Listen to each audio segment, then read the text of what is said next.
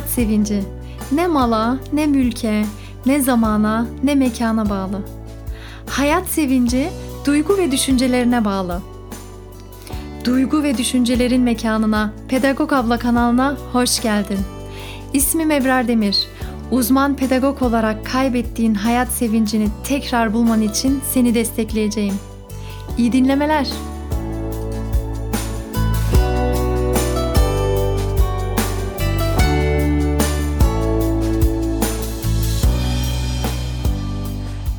Cuma günleri bana şimdiye kadar çok hızlı geliyor gibi hissediyordum. Hani bir bölümü bitirip diğer bölümü hazırlarken e, çok çabuk geliyor gibi hissediyordum yetiştirme modunda olduğum için ama geçen cumadan bu cumaya gelene kadar biraz daha uzadı sanki süre. Çünkü bir deprem gerçeği yaşadık. Elazığ'daki insanları gördük televizyonlarda sürekli ve o kadar acı şeyler gördük ki Rabbim vefat edenleri rahmet eylesin ve kalanlara sabır versin. Büyük sabırlar versin inşallah.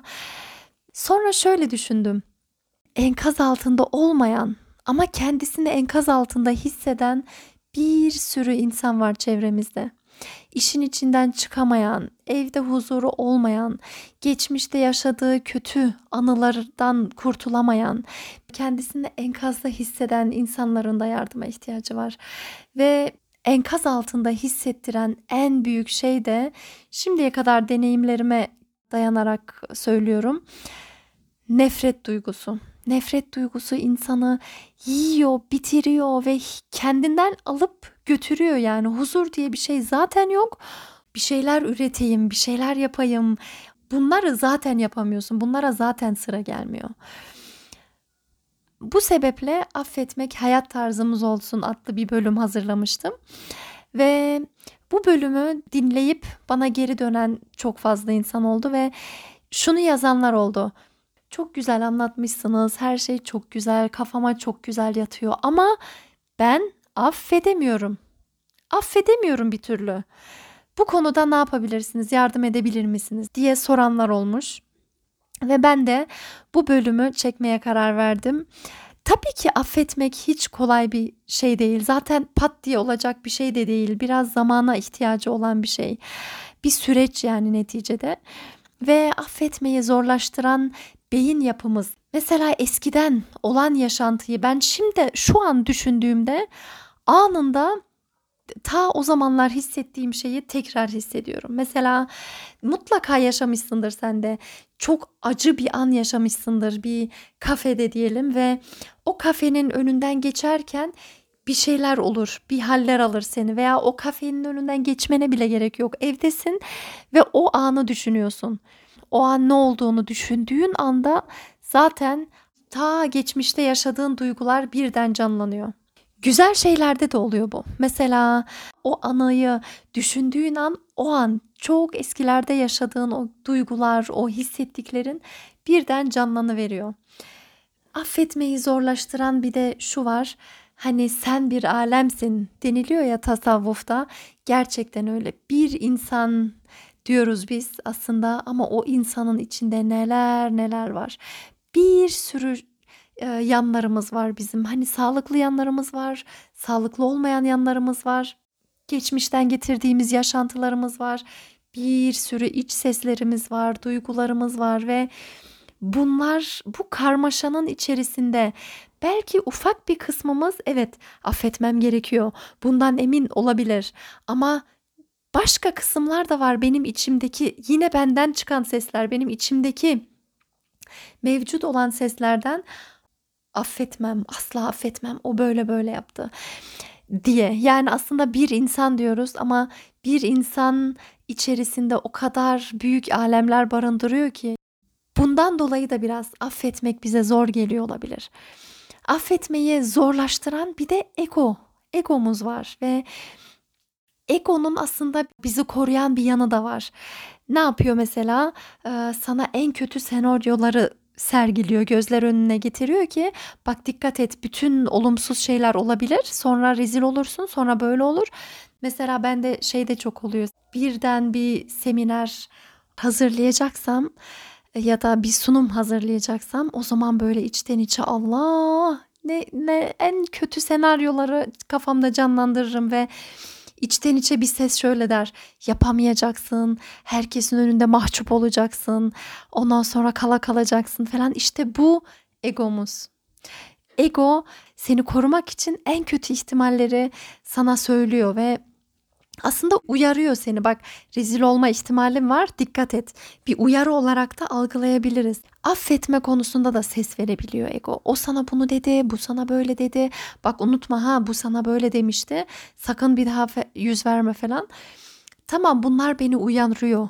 Egonun beni uyarması güzel bir şey. Ama egomun gerçek bir mesaj olarak da algılamak zorunda değilim. Çünkü ben egomdan daha güçlüyüm. Egom beni değil, ben egomu yönetirim ya. Derim ki evet benim hata yapma ihtimalim var. Beni uyardığın için teşekkür ediyorum ama ben yine de bu yolu seçiyorum diyebilirim ben ve aslında çoğu zaman da bunun yüzünden kaybediyoruz. Egoyu gerçek sanıp egoya tutunup kendimizi korumak peşine düştüğümüz için birçok şeyi kaybedebiliyoruz. Bir de affetmeyi zorlaştıran şey de gurur yapmak. Deniliyor ki mesela çoğu zaman ben çok acı çektim. O da acı çeksin istiyorum. Beni herkesin önünde küçük düşürdü. Herkesin önünde benden özür dilesin. Bunu yapsın, bunu yapsın, bunu yapsın, bunu yapsın. O zaman belki affederim. Gibi tavırlar o kadar çirkin ki yani bu gurur da çok kötü bir şey. Bizi gerçekten küçük düşürüyor. Aslında küçük gördüğüm için gururum beni korumak istiyor. Oysa ben eğer küçük düşmediğimi bilsem, kendimi yerler altında görmesem zaten bunu söyleme ihtiyacım da olmaz. Bu saydığım sebeplerden dolayı affetmek çok zor. Ama imkansız değil. Biraz belki emek istiyor ve zaman istiyor. Pat diye olan bir şey de değil ama e, yavaş yavaş affedebilmek mümkün. Bunun için önerebileceğim en önemli adım, birinci adım kurban rolünden çıkmalısın. Yaşantılar birikiyor, birikiyor, birikiyor ve insanın tabii ister istemez özgüven, özdeğer, kendine olan şefkat de azaldıkça bu sefer herkes suçlu oluyor ama ben haklıyım zaten bir haklı olma moduna giriyorsun ve herkesi suçluyorsun. O suçlu o böyle yaptı, bu böyle yaptı, bu böyle yaptı, bu böyle yaptı. Ben ben bir şey yapmadım. Ben kurbanım. Olayların ve insanların kurbanıyım. Ve bu aslında hiç de öyle değil. Bu sadece senin bir algın. Sen kendi kendine özgüvenin azaldığı için senin kendine olan güvenin, kendine olan şefkatin, verdiğin değer azaldığı için sen böyle algılıyorsun. Herkesi suçlayıp herkesi suçlamak çok kolay. Bu böyle yaptı zaten bir daha gitmem oraya bu böyle. Buna gerek yok. Hayır, sen kurban falan da değilsin. Sen sorumlusun. Sorumlusun bu kurban rolünden çıkman gerekiyor. Ona ona ona ona gösterdiğin parmağı artık kendine göstermen gerekiyor. Ben ne yaptım? Aynaya bakıp ben ne yaptım da böyle oldu. Kendi eline alman gerekiyor ve asıl zor olan da işte bu. O o o o suçlu değil. Ben ne yaptım da böyle oldu.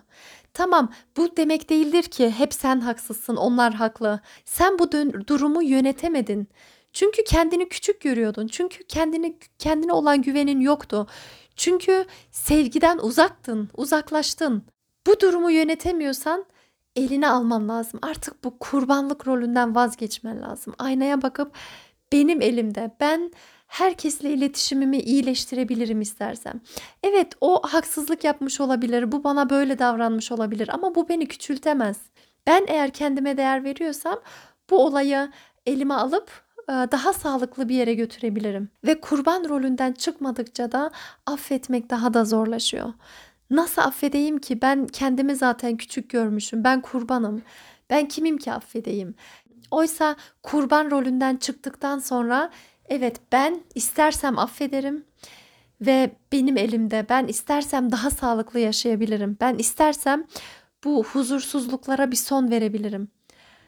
Bu şekilde de düşünülebilir. Ve bu kurban rolünden çıkmayı başardıktan sonra affetmek birazcık daha kolaylaşıyor ve affetmek için ikinci adıma geçiyoruz. Affetmek istiyorum kararını alabilirsin. Gerçekten affetmek bir karardır. kimseyi suçlamıyorum artık kararı. Ve sorumlu olan o o o o o o değil. Sorumlu olan benim demektir. Kurban olmaktan vazgeçtim demektir. Olayların ya da kişilerin kurbanı ben değilim demektir. Bu karar aldıktan sonra çok daha kolaylaşıyor her şey ve sorumluluğu yüzde yüz üstleniyorsun.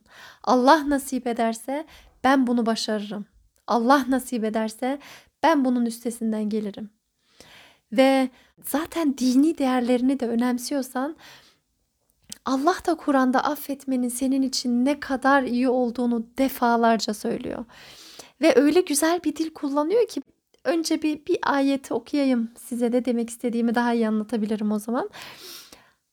Şöyle diyor Allahu Teala.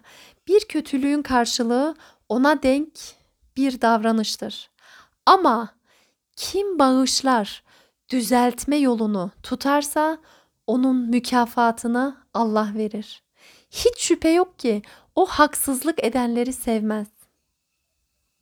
Din adamı değilim neticede ama bana öyle geliyor ki bu ayet sanki Allahu Teala şöyle söylüyor. Sen içini rahat tut. Zaten yapılan haksızlıkların mükafatını verecek olan ya da cezasını verecek olan benim.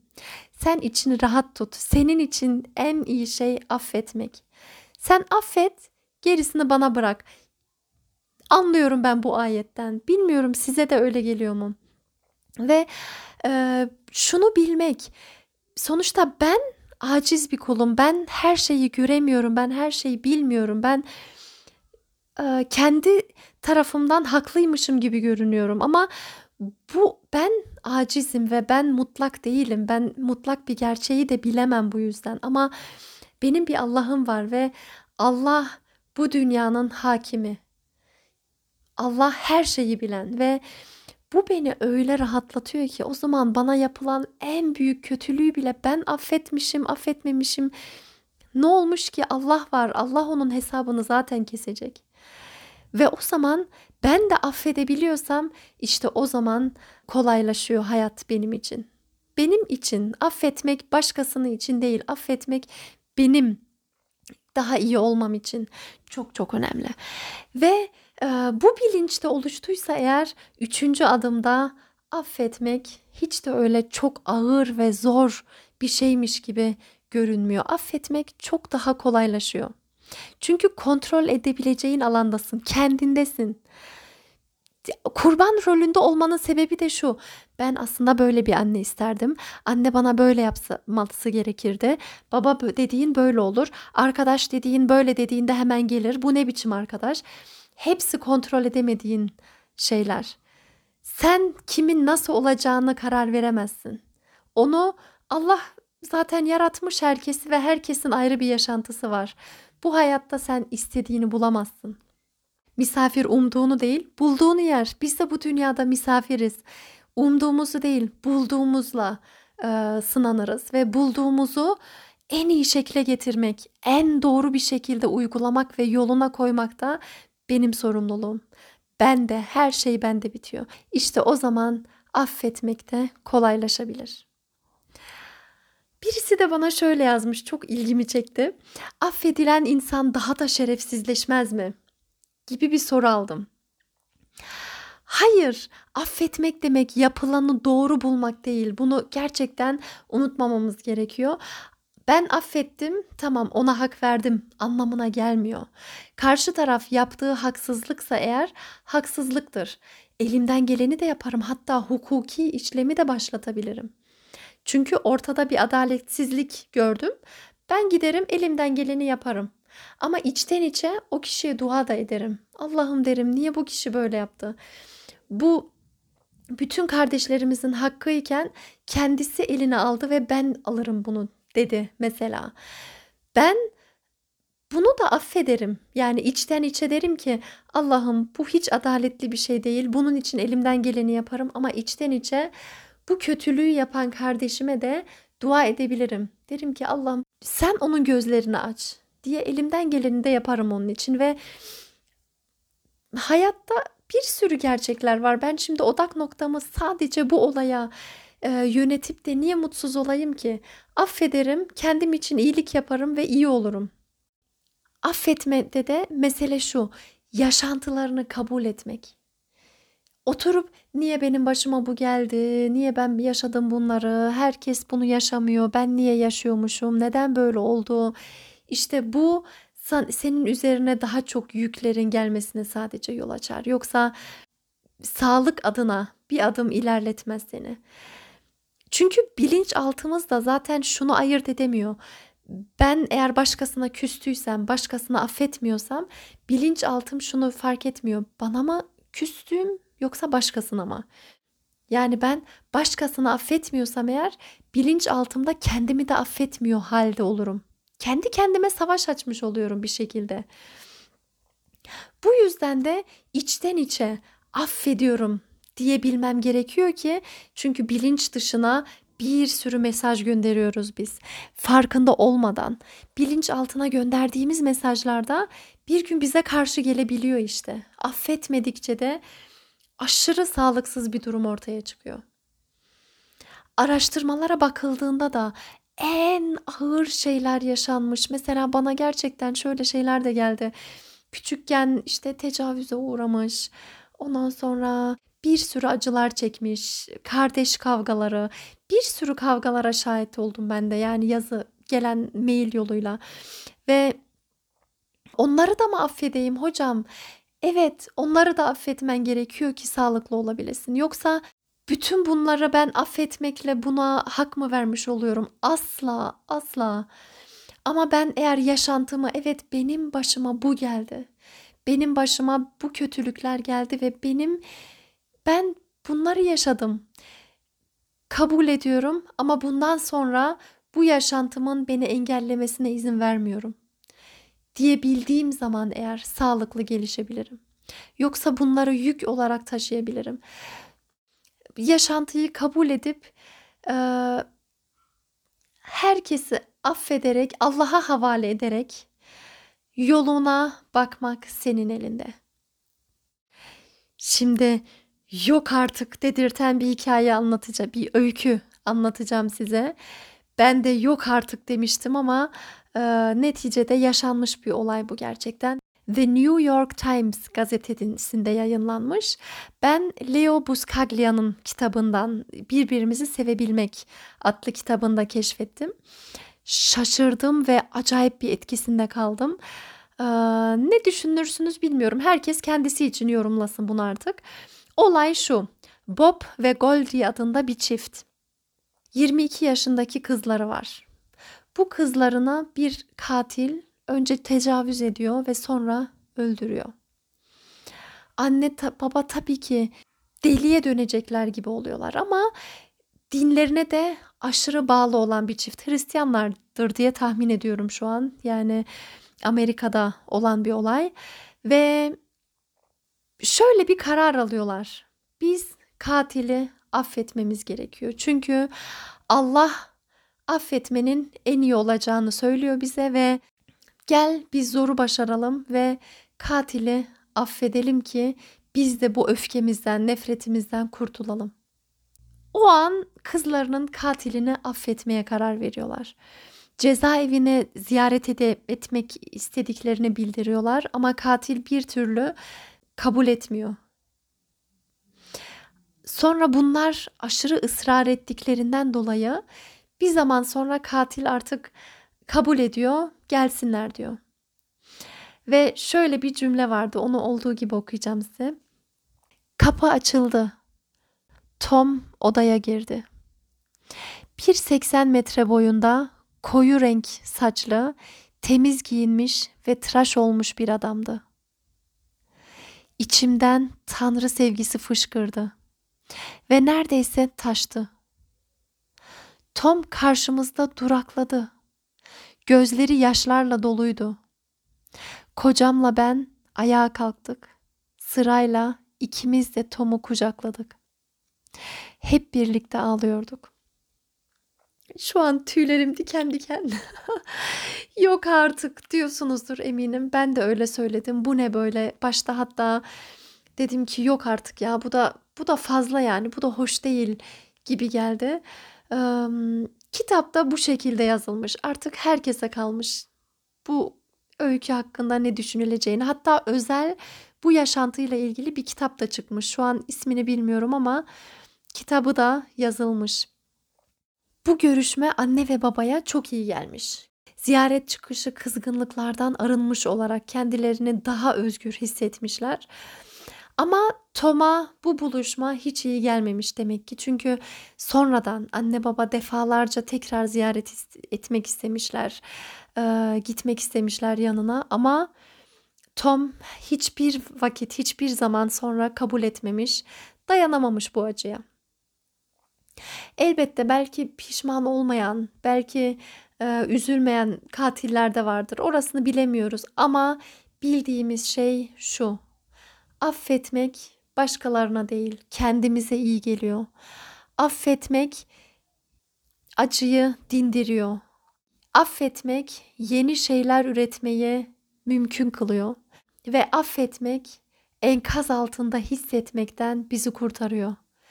Bu sebeple birbirimizi enkaz altından kurtaralım. Hayatta affedemem diyen kişiler varsa etrafımızda şöyle söyleyelim ona. Karar verirsen affedebilirsin.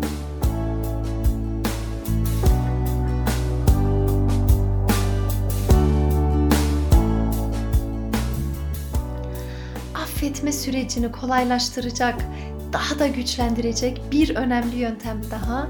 O da dua, dua, dua. Allah'a dua etmek, Allah'tan güç istemek, affedebilmen için sana seni desteklemeni istemek ve bu o kadar çok büyük bir güç verebilir ki affetme sürecini çok daha kolaylaştırabilir inşallah. Eğer dinlemediysen daha önce de affetme konusunu ele almıştım. 10. bölümdü diye hatırlıyorum. Affetmek hayat tarzımız olsun adlı bölümü de dinlemeni tavsiye ederim. Bunun haricinde dinlediğiniz için çok teşekkür ederim. Beni desteklemek isteyenler et Pedagog Havla kanalını Instagram ya da Facebook üzerinden takip edebilir. Ve emekle ve aşkla hazırladığım bölümleri yakınlarınızla paylaşırsanız çok sevinirim. Hayırlı günleriniz olsun. Sevgilerimle Ebrar Demir.